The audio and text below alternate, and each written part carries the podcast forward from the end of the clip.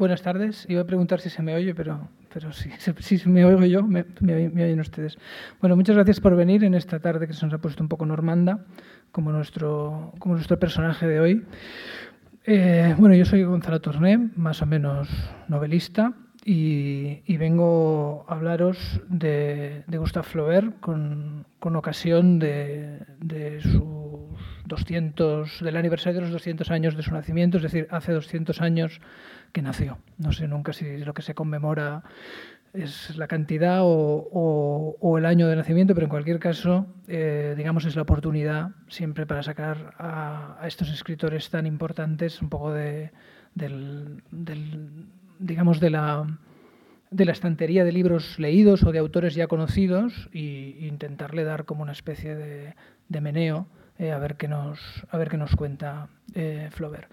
Entre las muchas... Eh, entre los muchos abordajes que podía permitir un autor pues, realmente tan importante como Flaubert, yo he escogido uno que es absurdo desde su principio, ya lo adelanto ahora mismo, que es intentar explicar cómo se forma un escritor. Es decir, cómo una personita que nace en ese año que ahora conmemoramos los 200 años se convierte no solamente en, escritor, sino en el escritor que solo Flaubert podía ser, es decir, en el escritor de todas esas novelas, Emma Bovary, La educación sentimental.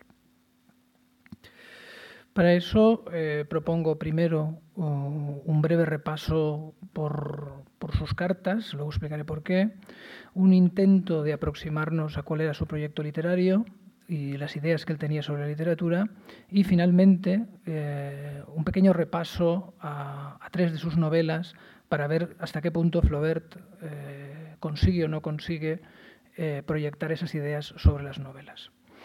Mm, un, un hándicap que hay con, con, ese tipo de charlas, conferencias, conversaciones, es que no realmente eh, estoy hablando de un público que desconozco, además de enmascarado, desconozco ¿no? si, es un, si sois conocedores de Flaubert, solamente interesados o, realmente no, lo conocéis y es, una primera impresión.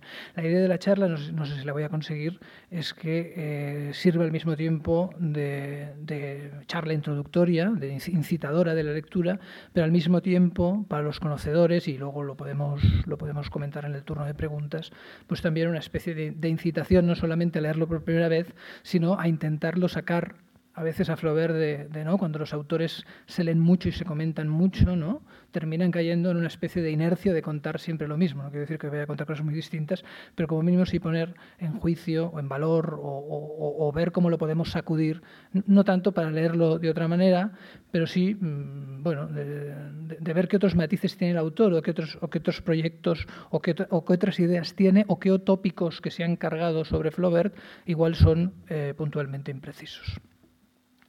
Bueno, como decía, el, planteamiento de la charla, cómo se forma un escritor, parecería que hay una manera eh, de abordarla en la que ya adelanto que no creo, que es en ir a, buscar o ir a estudiar su biografía. ¿no? Este tipo de eh, biografías un poco ingenuas, ¿no?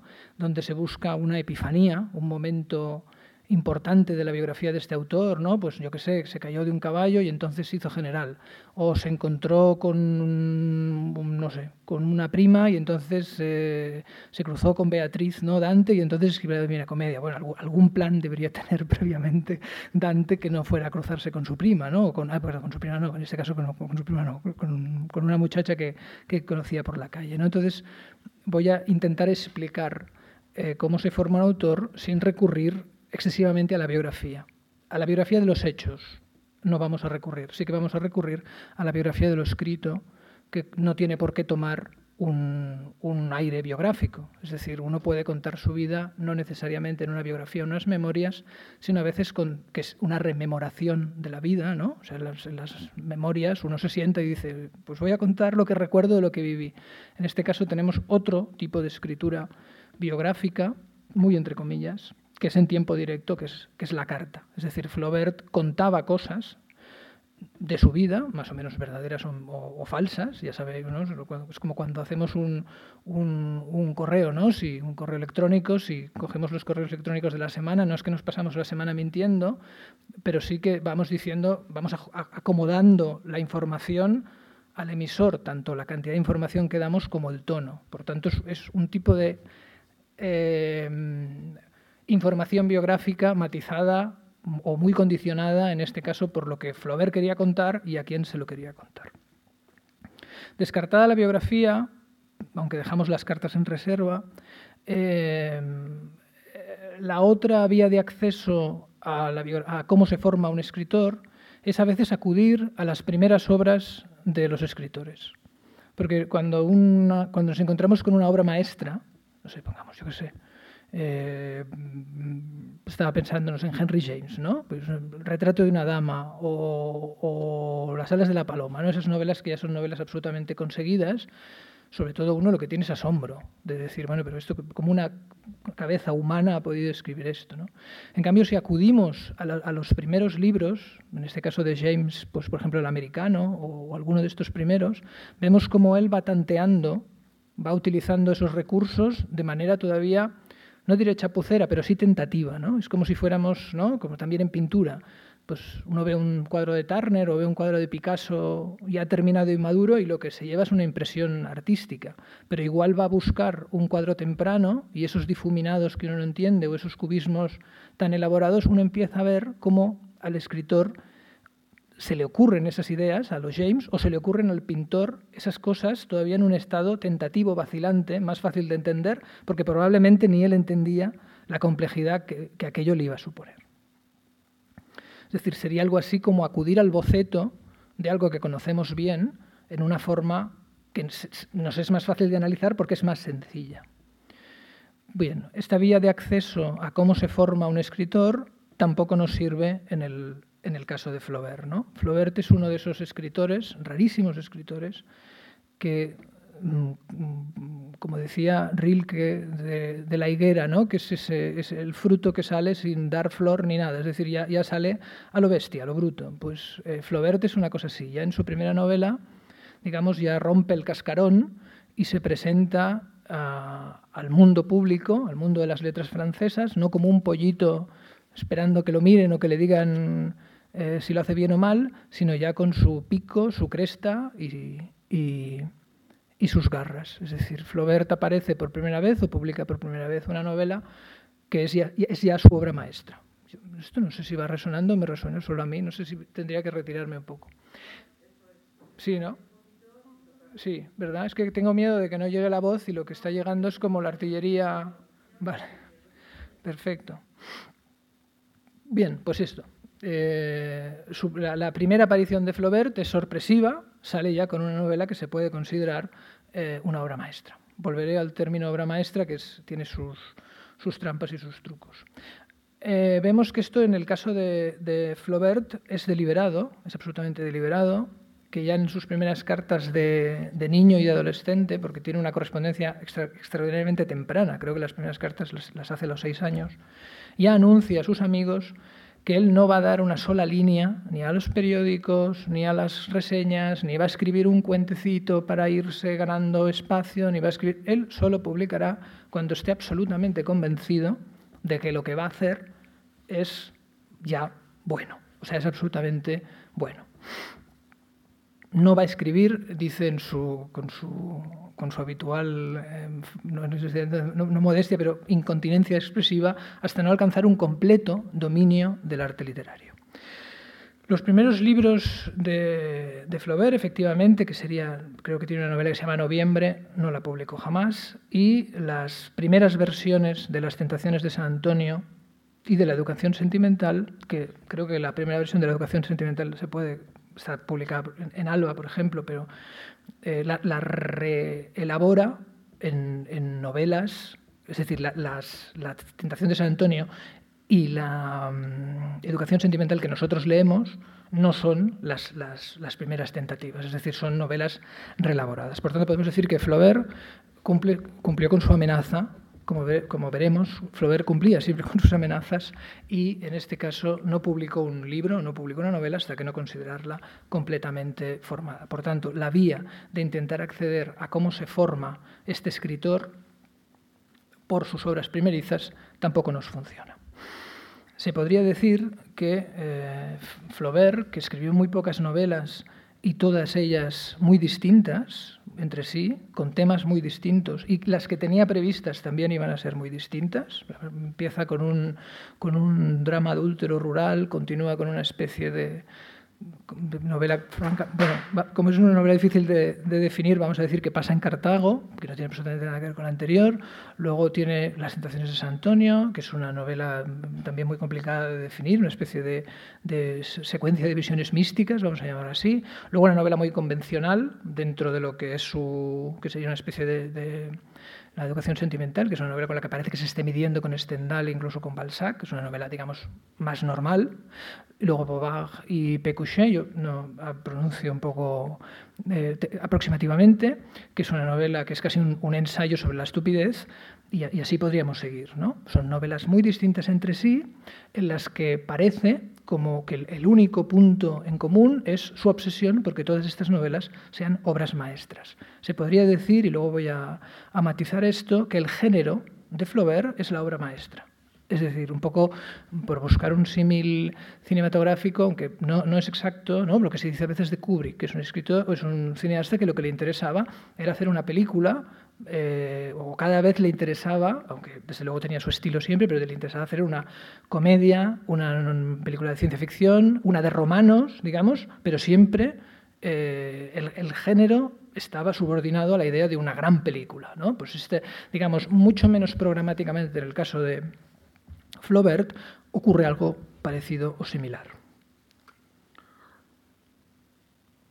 Entonces, descartada la biografía y descartada el abordaje de obras mm, mm, novatas, de obras de novatillo, eh, ¿cómo, voy, ¿cómo, voy, a intentar o cómo vamos a intentar abordar cómo se forma Flaubert? Pues a través del corpus de cartas, que son miles de cartas, que escribió durante, durante prácticamente toda su vida. Es decir, ya digo que hay cartas, me lo invento, porque no sé si son los seis o los siete o los tres, es igual, a una edad medio absurda y hay cartas hasta el día antes de que se muere, que no me acuerdo ahora que se muere, pero se muere repentinamente. O sea, no... Es decir, es un autor que tenemos eh, cartografiada no, no, o corresponsabilizada, tampoco, no, la palabra no existe, pero digamos toda, toda su vida. Es un caso muy parecido eh, en este sentido, mm, no tanto por extensión, pero como por calidad, y aquí avanzo una opinión personal, pero bueno, pero estamos en una fase todavía tentativa de, la charla, pero que sin desmerecer, por supuesto, a Madame Bovary o sin desmerecer a Bovary Pécuchet, eh, el de Flaubert es un caso parecido al de Byron, donde se podría decir que eh, una de sus grandes obras literarias, por no decir, aunque no de ficción, o no del todo de ficción, está en su correspondencia. ¿no? Es decir, son inteligencias, tanto la de Byron como la de Flaubert, que van buscando los géneros, que consiguen cosas maravillosas, pero que eh, ambos están curiosamente muy contenidos en sus obras. Luego, veremos por qué. La, la personalidad de Flaubert no aflora directamente en sus obras, hay una contención eh, expresiva, sentimental, mm, muy fuerte, o sea, toda está subordinado a la idea que tiene de novela y en cambio en, eh, las cartas hay una especie de chorro de vida, de chorro de ideas, de chorro de, vitalidad, de, estilo incluso, pero de un estilo diferente a de las novelas, que permite ah, tomar las cartas, que por supuesto son, no sé, es prácticamente inmanejable, no sé si son 7, 8, 12 volúmenes, ahí, luego si queréis lo, comentamos, hay algunas, antologías y demás, generalmente parciales, pero es una obra del nivel, para mí, de las mejores novelas de Flaubert y por encima de algunas de las novelas la gracia de estas cartas es que luego entraré a ver de qué va, pero nos permite, prácticamente sin duda alguna, decir que la obra de Flaubert es la más documentada por un propio escritor de, la historia que yo conozca. Es decir, el único caso paralelo, pero desde luego no, no, comparable, es, sería Virginia Woolf. Bueno, yo tampoco conozco tanto, pero de los que yo conozco, que sí que es verdad que en sus diarios, que cada vez estaba más, empezó también Virginia Woolf, empezó a escribir sus diarios un poco por pues mira, en realidad para ocupar el tiempo que iba de la hora del té a la cena. Ahí apuntaba cuatro cosas. Bueno, apuntaba los, los diarios, los utilizaba eh, para acumular material para una biografía futura. Pero bueno, se fue engolosinando con aquello y hay muchísimas, eh, muchísimas en los diarios de Virginia Woolf, anotaciones documentando lo que se viene a llamar proceso creativo, eh, pero desde luego, aunque es un caso espectacular, nada comparado con Flaubert. Con Flaubert hay, no sé si quizás de, Madame Bovary pueden haber 600 páginas o 600 cartas, 600 cartas no, pero 600 páginas sí, explicando la génesis eh, de Madame Bovary en dos sentidos que a nosotros nos interesan, que no son tanto el biográfico, es decir, dónde estaba cuando escribía Madame Bovary, que generalmente era en su casa, o con quién se veía cuando escribía Madame Bovary, que en general era con su madre, porque básicamente bueno, era con quien se veía, sino porque eh, él mm, levanta acta del progreso de escritura, del progreso de las dificultades de la escritura y sobre todo de cuál es su proyecto literario en el caso de Madame Bovary y de su ambición. En otras novelas tenemos también esa documentación, pero no es tan espectacular como en el caso de Madame Bovary, que prácticamente en paralelo a la obra él está haciendo un, enorme mm, despliegue de lo que pretende hacer y de lo que quiere hacer. Es decir, él mismo nos cuenta a través de sus corresponsales cómo se forma un escritor o cómo se forma un Flaubert. La escritura de las cartas es, muy curiosa. Vamos a centrarnos en el primer tramo de, la correspondencia, que ya es inmenso, y la podríamos dividir en cuatro apartados. El apartado de juventud, las primeras cartas que se manda con Luis Colet, que era no, sé si se puede decir su amante, porque francamente, pues ella, la pobre lo intentaba, pero él no estaba muy por la labor. Las, las, cartas de, durante su viaje a Oriente y la segunda tanda de cartas con Luis Collet, que Luis Collet es la misma persona, o, muy seguramente es la misma persona, pero Flaubert ya, la, considera otra persona y es como si le escribiera cartas a otra persona. En estos cuatro bloques, que son eh, cuatro bloques bastante distintos, hay dos, dos, dos rasgos, eh, no sé si unificadores no, pero dos rasgos que, que están en, los cuatro bloques. Mm, perdón, estos cuatro bloques van, no, lo he dicho, hasta, hasta la publicación de, de, Madame Bovary, que es cuando decide dejar de, de, cartearse con, con Luis Collet.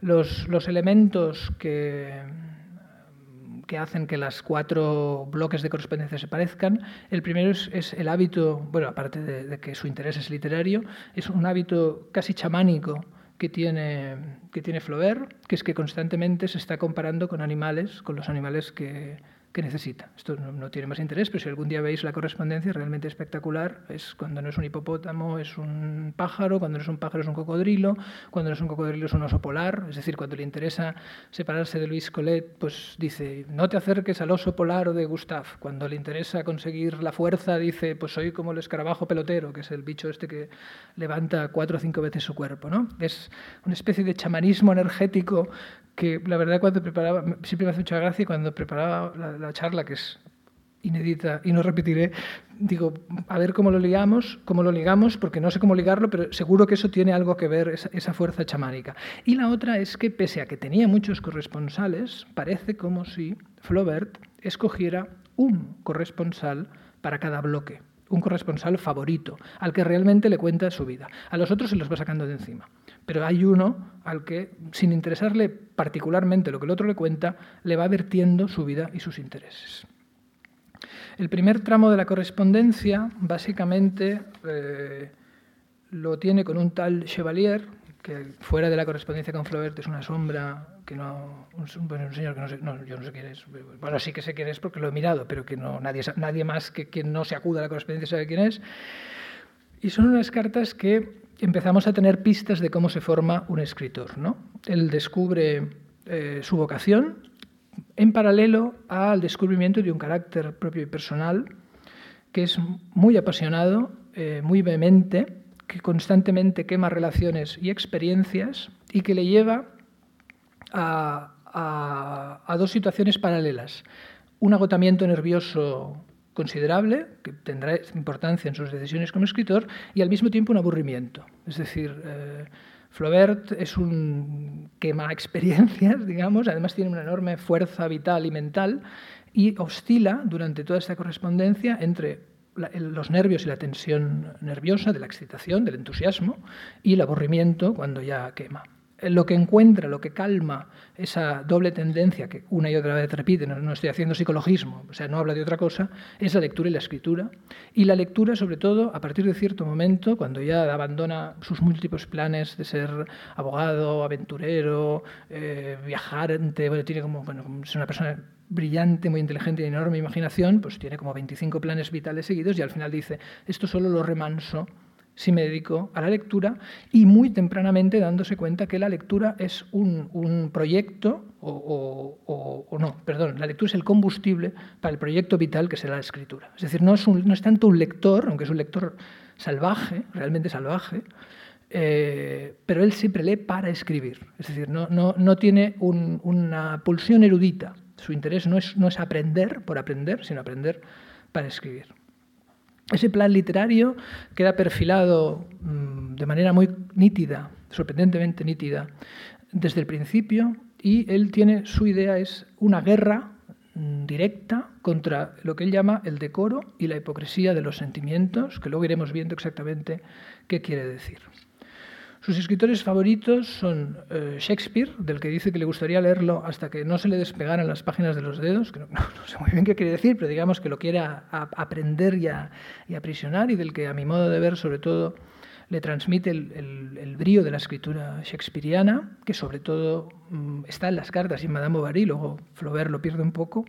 Byron y Rabelais, a los que admira por haber escupido a la cara a los lectores, y entre otros, hay otros, ¿eh? pero por ejemplo La Bruyère, el escritor de los, caracteres, al, que admira por su precisión y sus, en general los moralistas franceses, eh, que estarían pues, La Bruyère, no sé pronunciar ninguno, ¿eh? los Reyes Foucault, bueno, todos estos eh, son sobre todo escritores em, de la mezquindad, es decir, son escritores extraordinariamente sagaces para descubrir detrás de cada buen sentimiento qué mal sentimiento hay. Es decir, esto era lo más en el siglo XVII y lo hacen todos con, gran inteligencia y, cierta miseria espiritual, por otra parte, volveré a esto después, y eso a Flaubert le encanta. Es decir, a Flaubert ver que detrás del altruismo, del buen sentimiento, del samaritano, hay un pozo de, egoísmo, de maldad, que efectivamente es claro que lo puede haber, es una cosa que, le llama muy tempranamente la atención. En, eh, en relación a sus contemporáneos, eh, no, me da, tiempo, pero sumariamente, sumariamente él era admirador de, Víctor Hugo, pero al final se cansa, consideraba a Stendhal poco menos que un payaso, y tenía una cierta admiración por Balzac, pero siempre insistía en que no sabía escribir. Es decir, que, digamos, rápidamente Flaubert hace lo que hace cualquier escritor ambicioso, que es talar todo el bosque ¿eh? y coger todo este santoral para, como San Juan Bautista de sí mismo, anunciarse. Es decir, con todos estos escritores, quien tiene que venir soy yo. Gustave, o Gustave o Flaubert. La, segunda, el segundo bloque de correspondencia es eh, con Luis Collet, con quien de manera muy descarada, dejando aparte las primeras cartas, mm, notas que es una, o algo que es una tendencia en Flaubert, perdón por la palabra tendencia, pero inclinación de Flaubert, que es que él prueba experiencias para quemarlas y decir, bueno, pues una menos, sigo leyendo para escribir, y en este caso explora el romance. El romance, además, eh, con todos los tópicos románticos, con una mujer eh, casada y aburrida de su marido, y además un poeta, una poeta a la que desprecia como poeta. Y con esta Louise Colette hace lo mismo que hizo con la comida, la bebida, las fiestas y ir a París. Se retira con la idea de que le gusta demasiado. Es decir, todo esto tiene tanta energía, tiene tanta vitalidad que lo va a arrastrar, lo va a quemar, lo va a matar, además, porque tiene, por estas fechas creo que es cuando tiene el primer ataque mental, o el primer, es muy difícil saber qué tuvo, pero tuvo una especie de colapso, y decide antes de agotarse, eh, me retiro, me voy, me voy a retirar, me voy a centrarme solo en la escritura y en la literatura, es otro paso más a ese Flaubert centrado solo en la construcción de obras maestras. Es el caso opuesto al de Kafka, que como sabéis admiraba muchísimo, muchísimo a Flaubert, y hay, en, cosas que diremos luego de Flaubert están todas en Kafka. Kafka se retira porque teme que bueno, que no, le gusta la vida, digamos. Es un señor que pues, le molesta, bueno, no es que no le guste la vida, pero no, no, le gusta el trabajo, no le gusta relacionarse, no le gusta comer, no le gusta mm, casi ni, ni, su novia, ¿no? hace todo lo posible por no verla. El, caso contrario es el de Flaubert. Flaubert es un tipo que se retira del mundo porque le gusta tanto la vida social, le cae también la gente, era un bebedor y un hombre, un gran humorista, además es, realmente es muy divertido, y tenía miedo de que la aspiradora de la vida social que tanto le gustaba terminara eh, consumiéndole. El otro bloque que tenemos, donde también se ve cómo se forma ese Flaubert, son los viajes a Oriente, cuyo corresponsal, no me acuerdo ahora quién es, pero bueno, es relativamente sencillo de ver y además es igual porque es él hablando todo el tiempo. Y aquí volvemos a ver un, un absolutamente apasionado por el viaje, que piensas, ¿por qué no te haces viajero si te gusta tanto?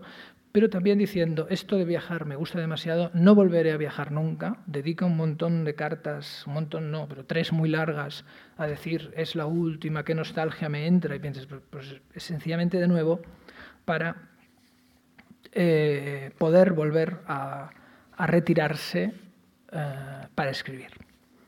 Digamos, estos tres primeros bloques de la biografía vamos viendo cómo se forma un Flaubert en el sentido de que cada vez se va retirando más del mundo, porque cree que, esa presencia en el mundo le resta tiempo para la escritura, y se va encerrando en lo que se ha llamado eh, la torre de marfil, o lo que él mismo llama la torre de marfil, es decir, un encierro hasta cierto punto eh, un poco falso, porque es cierto que él nunca dejó de, tener corresponsales, nunca dejó de moverse, incluso participó eh, activamente en la guerra contra los alemanes, es decir, hizo siempre cosas, pero ya su idea es de públicamente, civilmente, concentrarse solo en la obra y por tanto encerrarse en su casa. Es un, es un estilo de vida eh, que él em, que a veces eh, a veces dicen bueno los escritores actuales no, no, se encierran no hacen esos sacerdocios no es verdad que este es un sacerdocio asociado a la renta es decir él, él, lo podía hacer porque era rentista y de hecho una de las quejas muy constantes en la correspondencia es que no se puede encerrar más en la torre de marfil porque le dejaron muy poca renta. Entonces todavía tenía que hacer negocios y todavía tenía que hacer cosas el, segundo, hay, otros dos motivos por los cuales la, torre de marfil no funciona.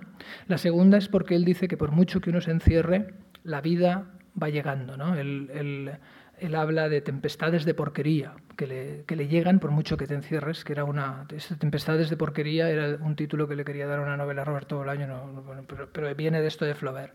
Y el tercer punto es que realmente Flaubert no puede apartar la mirada de esa tormenta de porquería. O sea, es un hombre que lo ves constantemente en los...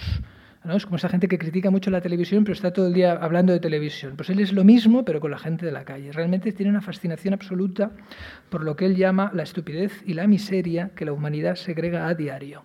Esta estupidez y miseria que la humanidad segrega a diario es otra fuente de inspiración eh, constante en Flaubert. En Flaubert hay una tensión entre las ganas de refugiarse y el gusto prácticamente de, coleccionista, ¿no? Como el coleccionista que de repente encuentra el libro o el sello que le falta y ves que le cambia la mirada, ¿no? Pues él cuando él encuentra a alguien que es idiota o hace alguna idiotez o alguna miseria moral, notas que se como que se excita porque lo, puede apuntar, ¿no? Entonces, otra, otro de los rasgos que vemos en la formación de Flaubert es esa esa progresiva retirada, pero sin dejar eh, un poquito de mirar. Es un escritor sin mundo, o que va, luego esto trataré de matizarlo después, que va como retirándose del mundo, pero que al mismo tiempo no deja de mirar las cosas que le interesan, que son precisamente las que más le molestan.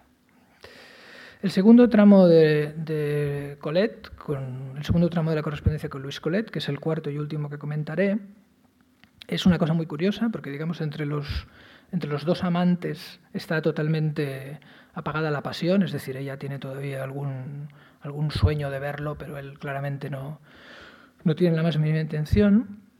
Y hay, hay, algo, hay algo medio perverso en, en este caso, porque mientras Flaubert está escribiendo eh, la historia o está introduciéndose en la psicología de Madame Bovary, que es una mujer eh, con unos gustos literarios, eh, digamos, mm, luego, hablaremos de esto, lo matizaré, pero unos gustos literarios de lectora corriente, es decir, una persona que lo que busca es emocionarse mucho con las novelas, que le cuenten una historia bonita y de amor, y que además es una, una señora adúltera, pues Flaubert está como utilizando esta correspondencia con, con Colette para hablar o para usar como oído y al mismo tiempo recabar información de una mujer a la que él no respeta para nada como poeta y que al mismo tiempo pasa por una situación bastante similar a la de Madame Bovary. No, quiero decir con esto que, Madame Bovary tenga algo que ver con, con Colette, porque realmente no la tiene, luego, luego también entraré en esto, pero sí que está haciendo eh, está escogiendo a una persona para contarle todo lo que quiere hacer con la novela, que tiene algunos puntos de concomitancia con su personaje. Y al mismo tiempo la trata a veces con una crueldad o con una, con una crudeza con la que luego tratará al personaje. Es como si estuviera usando a Colette como pasarela hacia eh, Madame Bovary o hacia la escritura de Madame Bovary. No, sería correcto hacia, porque es al, mismo tiempo, ¿no? pero digamos está utilizándola casi casi como partida de ping-pong bastante siniestra, hasta el punto que ya digo, cuando termina de escribir Madame Bovary, eh, eh, cierra la puerta a, esa, a esa relación.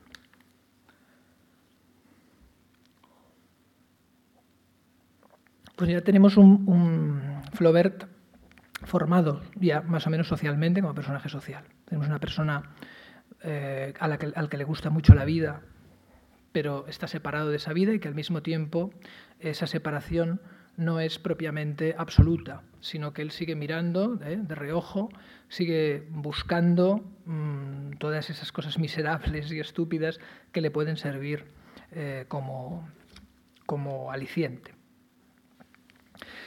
Pero hay mucho más en las cartas eh, de Colette, a Colette, sobre todo en la segunda tanda de cartas, no tanto en las cartas orientales y en las anteriores, pero sí en las cartas de Colette. Lo que hay en esas cartas mm, no son solamente presunciones de similitud psicológica poco patilleras que he expresado, bueno, poco patilleras no, porque realmente están, ¿eh? sino que hay, eh, como os decía antes, una documentación exhaustiva de la escritura, pero sobre todo de el plan literario que Flaubert tiene para escribir obras maestras. Es decir, Flaubert no es un escritor cuando habla de su literatura, que hable de hoy me he levantado y me he tomado un café y luego me ha costado un poco escribir y no ha bajado la musa y el papel en blanco y tengo una pluma de colores y ay, qué bien y qué sol hace. No, estas cosas no le interesan nada. Las ideas que le transmite de la escritura son pensamientos, son reflexiones sobre el propio proceso de la escritura. Entonces, lo que nos encontramos en estas cartas es realmente eh, un modelo, mm, no es tanto un modelo, un proyecto de escritura de obras maestras, digamos. El, proyecto de Flaubert para escribir las mejores novelas posibles, esas novelas que serían herederas de Shakespeare, de Byron, de Rabelais y que sus contemporáneos no están, no están sabiendo escribir. Este modelo o este método de escritura que es al mismo tiempo una poética de la escritura, una técnica de la escritura, empieza con la idea del aislamiento, que os comentaba antes, de la, de la Torre de Marfil, pero ahora ya no tanto entendida socialmente, sino entendido literariamente. Me explico. El, el, aislamiento de Flaubert, no solamente un aislamiento social, que no quiere ver a su tía o que no quiere ir a trabajar porque le quitará horas, esto también está presente, pero ese no no es el tema, sino el tema principal es una despreocupación por la carrera, en la carrera literaria en beneficio de la obra. Flaubert no quiere eh, interesarse por si sus libros se venden mejor o peor. No tiene ningún interés o muy poco interés en lo que digan los críticos y en lo que sus obras se reflejan en, los, en sus colegas. No es un escritor que se levante por la mañana y diga, ¿qué le interesa hoy a la gente? Voy a escribir una novela que le pueda interesar a la gente. No voy a escribir una novela sobre el confinamiento o voy a escribir una novela sobre el cambio climático. Es decir, alguien, legítimamente, que estuviera interesado en ver qué temas hay, a qué gente le puede gustar sus libros, a qué críticos les puede interesar. Todo esto eh, a Flaubert no le interesa nada. Flaubert realmente, y de manera muy sostenida, eh, se aísla de la carrera en beneficio de la obra. Está centrado absolutamente, y eso se nota en sus libros, tan distintos entre sí y tan distintos a los que hacen los otros, en eh, ver hasta... Eh, está interesado en la literatura que él puede escribir. Es decir, a, ver qué puede hacer él con sus recursos y qué libros le salen llevándolos al extremo, sin interesarse particularmente, ya digo, ni por crítica, ni por lo que digan sus colegas, ni por las ventas, ni por nada, ni por nada de la carrera. Es decir, antepone la obra a la carrera. En segundo lugar, además de este aislamiento, eh, no solamente es un repliegue defensivo, sino que Flaubert eh, tiene una actitud ofensiva contra el ambiente literario, en dos sentidos. En primero, una, ofensiva o una actitud crítica con la academia, y en segundo, contra el, estilo predominante de su tiempo, que más o menos es el, romanticismo, luego lo, explico. En el caso de la academia, eh, él es muy crítico con cualquier, con, con las academias, porque considera que el trabajo de las academias es clasificar es hacer taxonomías. Es decir, esta novela se parece a la de Pepito, esta novela entraría dentro del realismo no sé qué. Flaubert considera que cuando un escritor piensa en esas categorías académicas, que son artificiales y artificiosas, de alguna manera intenta escribir libros que caigan dentro de esas casillas. Y él considera que precisamente la vida literaria o la vida artística es eh, pura libertad puro salir por el sitio donde nadie se espera, hacer las novelas que nadie puede hacer. Entonces es muy crítico con la academia, no solamente porque crea esas, esas taxonomías, sino porque al leer esas taxonomías el escritor intenta hacer libros que encajen o sea, libros aceptables, y al mismo tiempo esas categorías académicas predisponen la lectura de críticos y de lectores. Es decir, que lo primero que buscan es, ah, pues esto es realista o no realista, o esto es, yo qué sé, me invento, ¿eh? vanguardista o, campo o rural. Él dice, yo, yo quiero hacer una novela que transgreda eh, todo esto, ¿no? que transgreda cualquier categoría, que, que se tenga que leer en función de las normas que él le impone al lector o de las ideas que él le impone al lector. De alguna manera, eh, por, rescatar la broma de un amigo, eh, Flaubert intentaba escribir, ¿no? igual que hay ovnis, pues olni, ¿no? objeto literario no identificado, un olni. Algo que nunca nadie ha visto, que aterriza allí y que obliga al lector, al crítico, al, al, bueno, a crear su propia manera de enfrentarse a esos libros, ¿no? ¿Qué es Salambo? ¿Qué es Bovary Pécuchet? ¿no? ¿A qué se parecen? Pues eso, eso es uno de sus objetivos, hacer libros que sean objetos literarios no identificados. Algo, algo que, obliga al lector a, ponerlo todo como él lo ha puesto todo en la escritura. La, la segunda ofensiva de Flaubert es contra la literatura dominante de su tiempo, a la que por llamarla de alguna manera la llamaré romanticismo, aunque no, no, es muy aceptable lo que estoy haciendo, pero luego lo matizaré. Pero en, en, el fondo es igual, es decir, podría ser el romanticismo o podría ser, yo qué sé, la literatura de consenso o la literatura del yo de ahora. Lo que le molesta a Flaubert es lo que hace todo el mundo. Es decir, lo que le molesta a Flaubert es el, em, la atmósfera media, la novela promedio. La critica por varios motivos pongo cuatro, pero, pero encontramos diversos. En primer lugar, porque eh, este tipo de novelas contra las que él va, que son las que escribe la mayoría de la gente y las que les gustan a los lectores y las que les gustan a los críticos y los que reconocen la academia, consideran que escribir bien es un estilo afectado, es un estilo literario. Es decir, no les importa tanto que el lenguaje transmita ideas o que el lenguaje transmita imágenes precisas, sino que reconocen como escritura buena o estilo literario eh, para Flaubert, enormes florituras o cursilerías inmensas que nadie diría fuera, en la calle, nadie hablaría así, pero que se aceptan porque forman parte del código literario. Entonces, yo qué sé, pues, en una descripción del amanecer, pues en lugar de decir el amanecer, volver a la aurora de rosados dedos. Es decir, los clichés estilísticos que parece que sean la única manera de escribir bien, que esto le pone muy nervioso. En segundo lugar, lo que le molesta es el sentimentalismo. El sentimentalismo, que luego lo entraré en esto inmediatamente, pero digamos el, derrame sentimental, ¿no? el que parece que una novela es más intensa porque los personajes lloran mucho o porque hay mucho culebrón sentimental o demás. Esto cosa le, repele profundamente.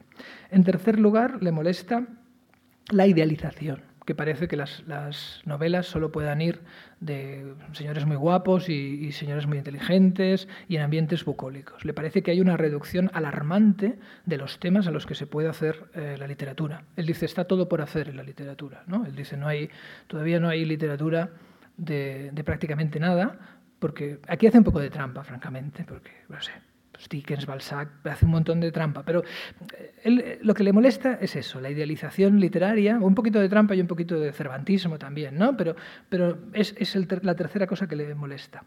Y la cuarta cosa que le molesta profundamente es la intervención del yo en la novela.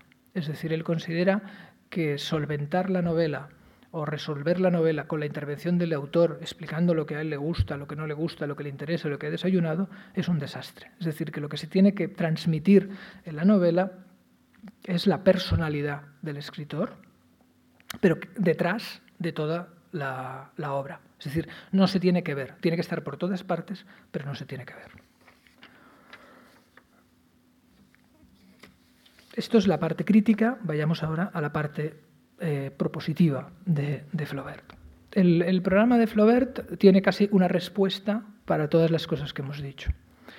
Eh, contra el idealismo de la literatura, lo que Flaubert propone son personas reales. Él dice que le, parece tan interesante literariamente una princesa como un obrero de la calle y un, literariamente le parece tan interesante un príncipe como un perro es decir, ¿por qué no? si, tiene que salir un perro, tiene que estar bien representado lo canino, no, hay, que desmerecerlo. A favor de la verdad está totalmente en contra de la hipocresía de los buenos sentimientos, de todas estas novelas que, ¿no? que plantean un gran problema, pero entonces lo resuelven porque de repente todos se dan cuenta que son muy simpáticos y se hacen amigos.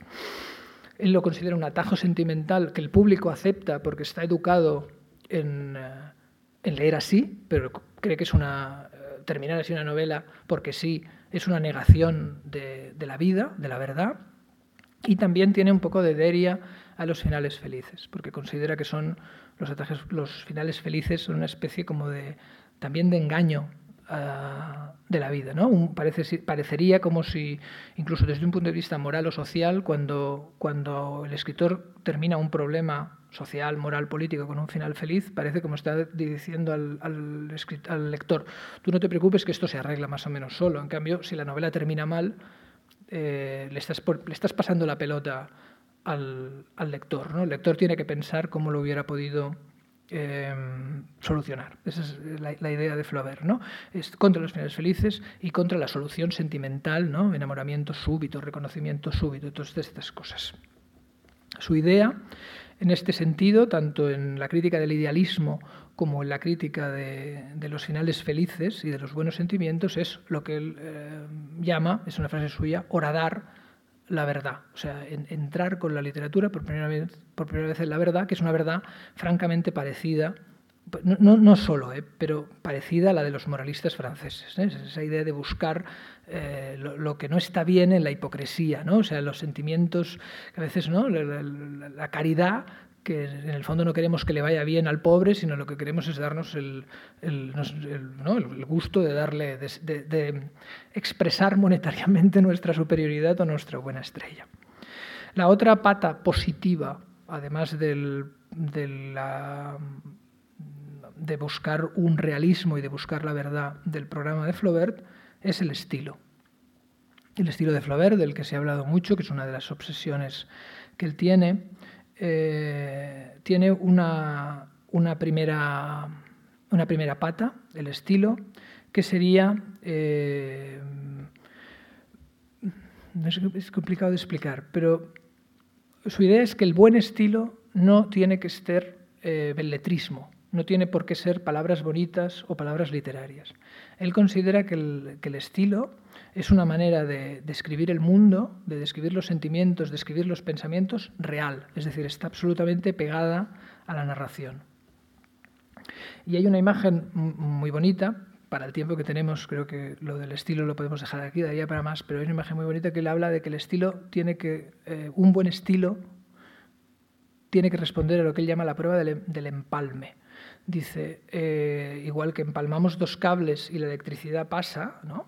Pues él dice, cuando un libro es bueno, la fuerza del estilo lo recorre del principio hasta el final. Unas cosas van pasando por las otras y dice sosteniendo siempre la electricidad del libro, que efectivamente yo sostengo que es lo que pasa en Madame Bovary, que entras en una especie de velocidad narrativa, eh, porque él dice, el estilo no solamente son palabras bonitas, dentro de este, de este empalme, de esta corriente eléctrica, está todo Dice, está el pensamiento, están las reflexiones, está la psicología, está la descripción social. No solamente son bonitas palabras, lo que son son palabras precisas. Hay un profundo, profundo gusto en Flaubert por la precisión.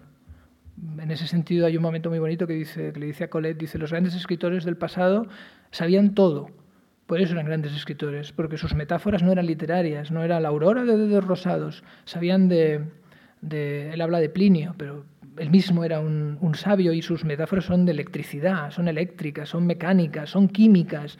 En ese sentido también utilizaba la lectura totalmente para escribir, para, la, escritura precisa, para la metáfora iluminadora, precisamente porque no es rutinaria, porque no es eh, rumiante, porque no, es la inercia, pura del, del belletrismo, que es muy satisfactoria para el lector porque dices, ah, vale, estoy aquí, estoy en la literatura cosa que, es, donde no quiere que estés Flaubert. Flaubert quiere que estés en esta tensión eléctrica, en esta narración que, corre de un lado a otro, según él, del libro. Como podéis ver, em, o creo haberme explicado, eh, Flaubert crea una tensión entre la belleza artística, que para él no tiene nada que ver con el belletrismo, tiene que ver con lo que he dicho, y con la fealdad del tema y la fealdad moral del tema. Es decir, él considera que, y esta es clave en su concepción literaria, que hay que poner todos los recursos de la inteligencia, de la sensibilidad, de la escritura, para analizar cosas que son reprobables moralmente, intelectualmente poco atractivas. ¿eh? Esta tensión es clave sobre todo en, el... Em, eh, programa de Flaubert, más que patar al burgués o, asustar al burgués, es una ofensiva contra el lector común, es decir, contra el lector corriente, contra el lector confortable que todos somos, o contra el... Es, es, una especie de sacudir al lector y decirle, no, no, lo que estás acostumbrado a encontrar en las novelas de tu tiempo, es decir, belleza pautada, eh, solución sentimental, eh, buenos pensamientos, todo esto no, te lo voy a dar. Y a cambio, dice Flaubert, eh, lo que no dan sus libros, o a cambio de, sacudirte, dice Flaubert que no te permite como lector aburrirte. Es una concepción del aburrimiento curiosa la de Flaubert porque no tiene que ver con episodios entretenidos, sino tiene que ver con llenar el libro de escenas, pasajes, personajes que el lector no ha visto nunca. Es decir, la idea que tiene de aburrimiento, de luchar contra el aburrimiento, Flaubert se parece bastante a irte de viaje a Oriente. Es decir, tú te puedes ir de viaje a, donde vivían tus padres y ya te lo sabes todo y puede ser un viaje muy agradable, pero la idea de, viaje y la idea de no aburrirte de Flaubert es meterte en novelas, cosa que consigue que eh, nunca has estado nunca, nadie había estado nunca en, en Madame Bovary, y bueno, quizás en la educación sentimental sí, pero nadie había estado nunca en Salambo, nadie había estado nunca en Bovary y Pécuchet.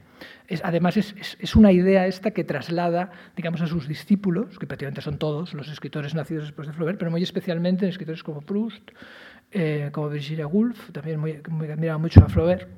Eh, eh, pues espero que, que, que, sí que la admirara, que no sea un castigo en Kafka, por ejemplo, o en Joyce, escritores que jamás se les hubiera ocurrido escribir un libro de género, ya no de género policíaco, sino de, género de fórmula, perdón, no de género, de fórmula. Es decir, escritores que escribían para hacer algo que no había hecho nadie, una concepción artística.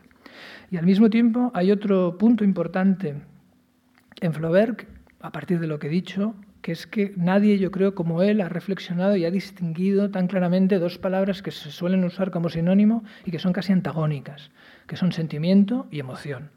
Es decir, Flaubert, que tenía una cruzada contra el sentimentalismo, contra la, porque, porque lo consideraba irreflexivo y fácil. Es decir, es verdad que uno empieza a tocar una tecla grave del piano y piensa en, yo qué sé, en mi madre y yo me, sentimentalizo, digamos. Pero eso no tiene valor artístico, tiene una especie de, rebuscar emocional, eh, de rebuscar sentimental. Y en cambio no, no, planteaba una literatura como vía alternativa a la sentimentalidad eh, aburrida o una literatura especialmente difícil, ¿no? como sí que hacían después el Nuevo Romano, como hacía Juan Benet aquí, ¿no? o, el propio Faulkner, ¿no? novelas de gran de dificultad, ¿no? complejidad dificultad. Él lo que planteaba era una novela que emocionara, pero que emocionara eh, literariamente, a través de la estructura, a través de la, metáfora insólita, a través de mirar por primera vez cosas o proyectos morales eh, que nadie había mirado antes. Es decir, en ese sentido, eh, Flaubert mm, vendría a ser eh, eso, un escritor que separa con, con mucha habilidad el, el, sentimentalismo de la emoción. No, renuncia a una literatura que emocione, pero que emocione por su forma, que emocione por sus valores creativos y artísticos, por, ese no, por su originalidad y no por los convencionalismos emocionales que se suponen que nos tienen que emocionar, ¿no? Como cuando en una película ponen un primer plano de un señor con los ojos llorosos y una música de violín. Pues eso no es emocionante, es sentimental y uno se puede sentimentar según cómo lleve el día. Pero lo que dice Flaubert es que yo te voy a emocionar artísticamente, da igual cómo lleves tú el día. En ese sentido se podría considerar que Flaubert es una especie de romántico mesurado.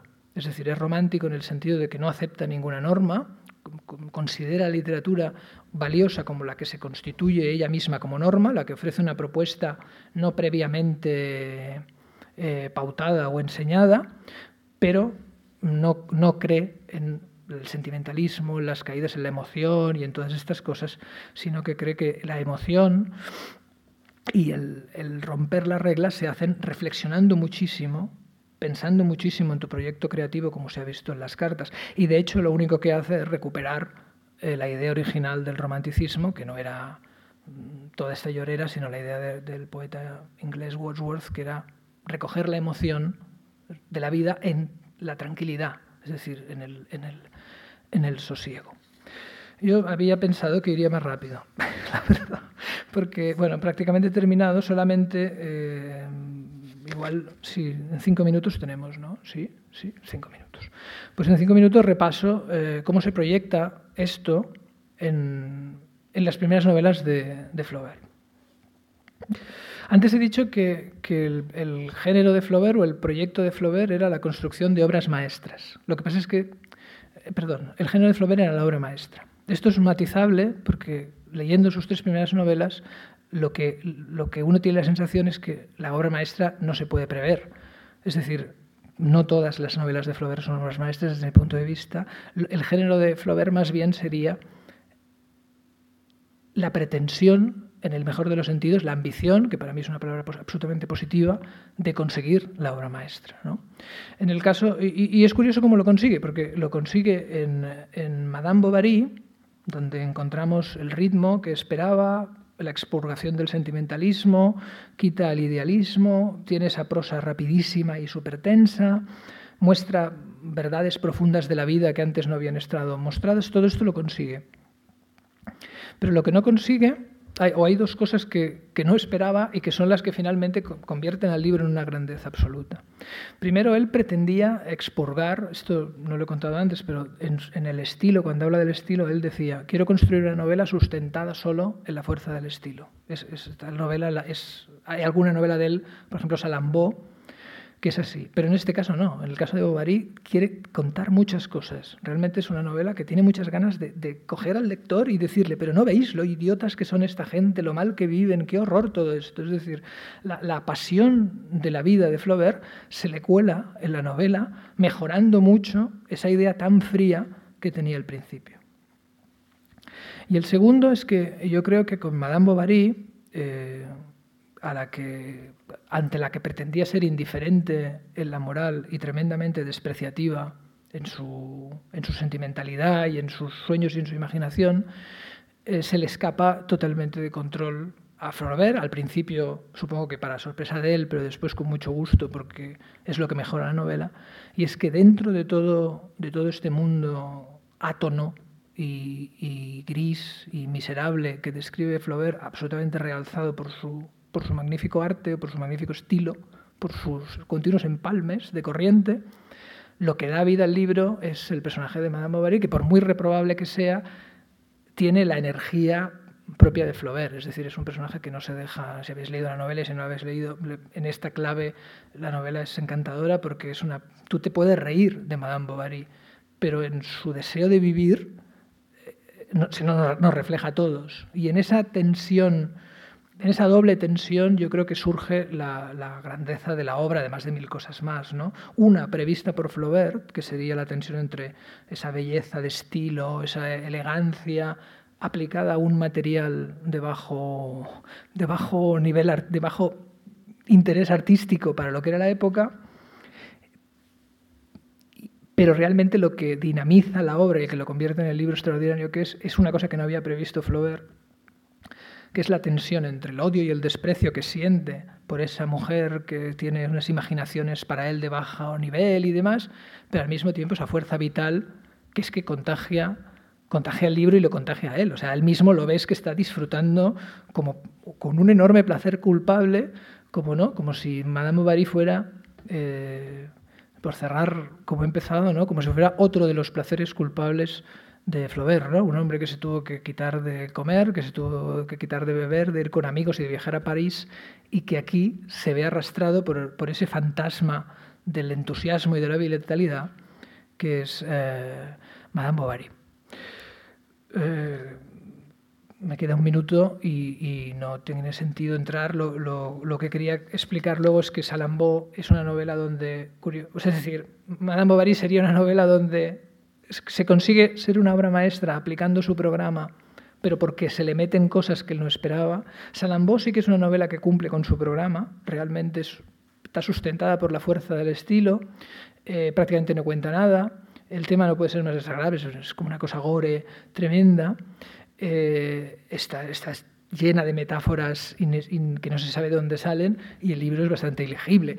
No es, no es elegible, ¿no? si te gusta Flaubert te gusta, pero no, es, es, un caso curioso porque un escritor que cumple con su programa y no le sale un, un gran libro. ¿no?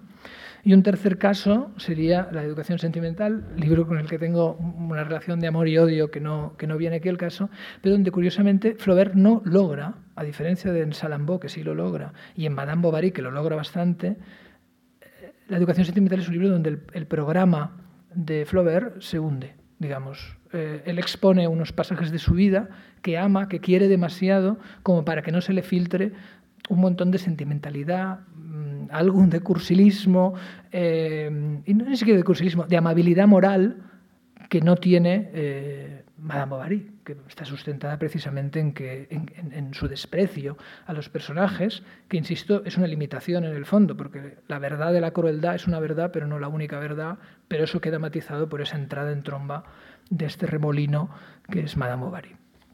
Por tanto, eh, a mí se me da muy mal concluir, pero trato de hacerlo, bueno, he intentado ofrecer un pequeño traveling de, cómo se forma un escritor, de, en este caso un escritor enormemente consciente de su trabajo, y, la dificultad de aplicar esos modelos en las novelas, ¿no? y cómo a veces pues, pues pueden salir grandes libros inesperadamente y otras veces menos. ¿no? Pero creo que eso que bueno, es un, un, retrato de cómo se ha ido formando este novelista y cómo ha llegado, al menos en sus tres primeras novelas, claro, Flaubert da para 200 conferencias como esta. Y si tenéis alguna pregunta, estoy encantado de escucharos y de o poner pregunta, sugerencia o hablar, que tampoco no es esto. Sí, me parece que tiene que llegar el micro.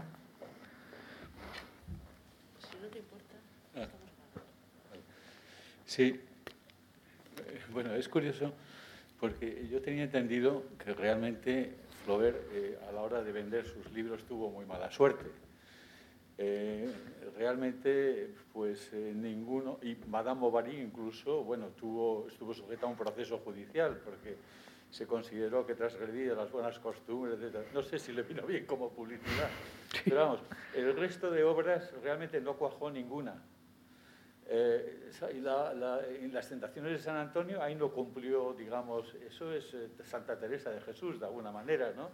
es una obra muy subjetiva de él y muy didáctica, no tiene nada que ver. Pero de alguna manera es curioso por qué se nos ha quedado, ha quedado esa buena imagen. Yo comprendo que Madame Bovary fue una revolución, ¿no?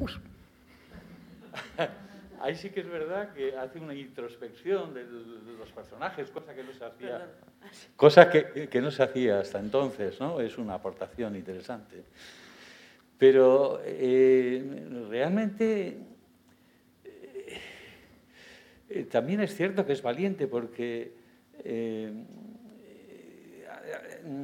no es como Balzac, que es positivo, personajes magníficos, interesantes, no. Ahí todos son unos desgracias, los critica, son personajes que, que, son eh, insulsos, que son criticables, ¿no? Y sin embargo, aún así, bueno, para resumir entonces, quiero decir, esas aportaciones que él hace, eh, se podría decir eh, que él, es exagerar decir que él que es un creador de la nueva eh, novela contemporánea, por ejemplo. Sí, yo, creo que no, que no es exagerado, que, él tuvo muchísimo éxito con Madame Bovary, pero, pero mucho, y de hecho estaba como enfadado porque decía, bueno, yo he hecho escrito otras novelas, ¿no? A ver si las lee alguien, porque en el fondo sí que era coqueto como todo el mundo, estaba interesado como mismo que lo leyeran los listos, o la gente que él consideraba inteligente. Pero sí, yo creo que sí, que es un escritor absolutamente clave por eso, porque es de los, de los primeros que se, que se fija, es verdad que Dickens también lo hacía y que también lo hacía Balzac, ¿no? pero él se fija como en, como en áreas que, no, que la literatura no acostumbraba a fijarse. Y luego tiene... Eh, esto, un sentido del ritmo impresionante. En la literatura francesa es verdad que la inglesa no lo necesitaba tanto, pero la literatura francesa es un enorme expurgador de, todas estas florituras y demás. Y luego yo creo que un escritor es, esto es más o menos justo o injusto porque es muy azaroso, pero es importante en función de quiénes son sus seguidores, ¿no? Y, y, prácticamente toda la siguiente generación de escritores que nos interesan, ¿no? Pues a todos pues Kafka, pero ya digo también Virginia Woolf, también, esa, mm, les interesaba mucho esa literatura, esa precisión, todo eso les, les fascina. Sí, a eso iba. Eh, hablando de Kafka, quería adelantarme un poquito más. Quiero decir que es un, es un precursor. De hecho, eh, yo creo que habla en un lenguaje existencialista, o sea, se anticipa 80 o 100 años. O Sartre publica una cosa de él, ¿no? El idiota de no sé qué. Quiero decir que su novela tiene un contenido filosófico que se anticipa un poco al futuro, ¿no? ¿Cómo lo ven? Sí, bueno, todos los, los, O sea, nosotros tenemos dos contemporáneos, ¿no? Los que viven con nosotros y los, y los, los libros que nos, siguen, que nos siguen interesando leer, ¿no? Y en ese sentido yo creo que hay, por muchos motivos, eh, a, mí, a mí Flaubert siempre me, me, me fascina, ¿no? cuando son escritores tan grandes, cada uno busca lo que lo que a él le interesa, ¿no? Entonces, pues Sartre va con el existencialismo y, busca en esos libros pues una visión de la vida que evidentemente tiene, ¿no? Porque Flaubert es, es, una literatura que no solamente es descriptiva o no solamente hay aventuras, sino que hay toda una mirada sobre la vida y sobre la existencia.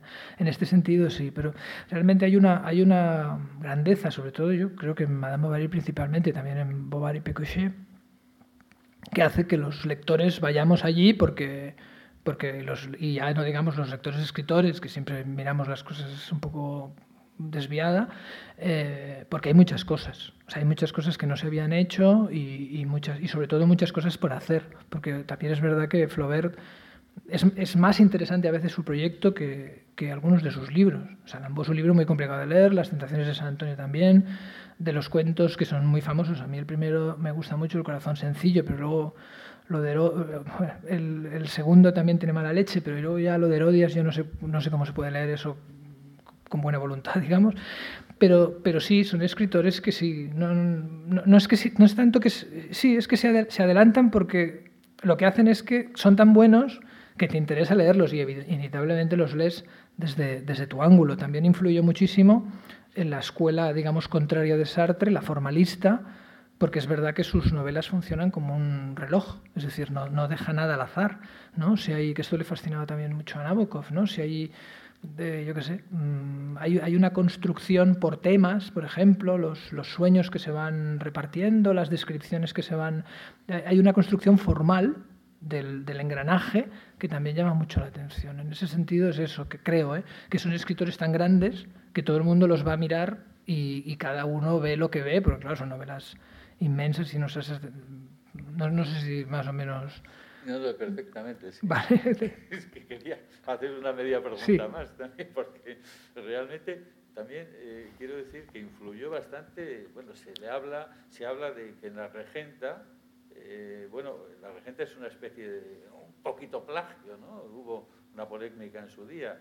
Quiero decir que de alguna manera eh, casi un siglo después animó a que la gente le, le copiase, ¿no? Sí, hay, hay, hay... El personaje de Doñana es muy sí. parecido a Madame Bovary, ¿no? Tiene muchas telas, sí. Yo, yo en el caso de Clarín defiendo que no, que no son novelas, que es un poco malévolo por parte de los contemporáneos de Clarín, que yo creo que la única manera de, de hacer de menos a esa novela, que es para mí, es, bueno, no sé, después del Quijote es la mejor novela española, es una novela impresionante. Es como, sí, es verdad que coincide el adulterio, pero bueno, también en, en Ana Karenina, o prácticamente todas las novelas del, del 19 lo que descubren es la falla de la institución matrimonial, ¿no? Entonces, no sé, Middlemarch, hay un montón de novelas de eso.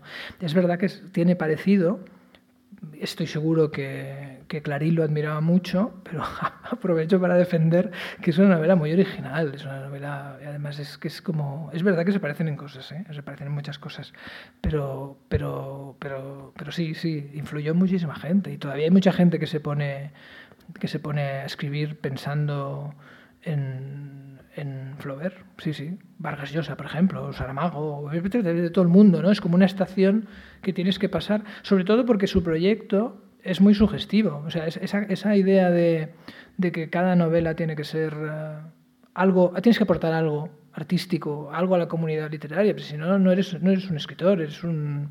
Bueno, no, sí, eres un escritor, pero no eres un novelista artístico, eres un novelista preocupado por tu carrera.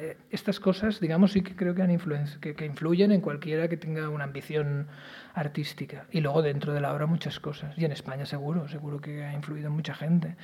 Y su idea, que luego él no cumple, de hacer una novela sustentada solo en la en la fuerza del estilo, sin personajes, ni esto influye muchísimo en, toda la literatura de la complejidad, digamos, de Flaubert, pues aquí Benet, eh, el primer Vargas Llosa, muchísimos escritores están obsesionados con, con, esa frase, ¿no? Que es una frase muy bonita que ya digo que luego Flaubert no hizo nunca, pero bueno, en Salambó y así acabó, pero eh, sí, sí, es, es, es una influencia para todos, ¿no? Muchas gracias, muy amable y muy interesante. Gracias. ¿Alguna pregunta más? ¿Alguna intervención más?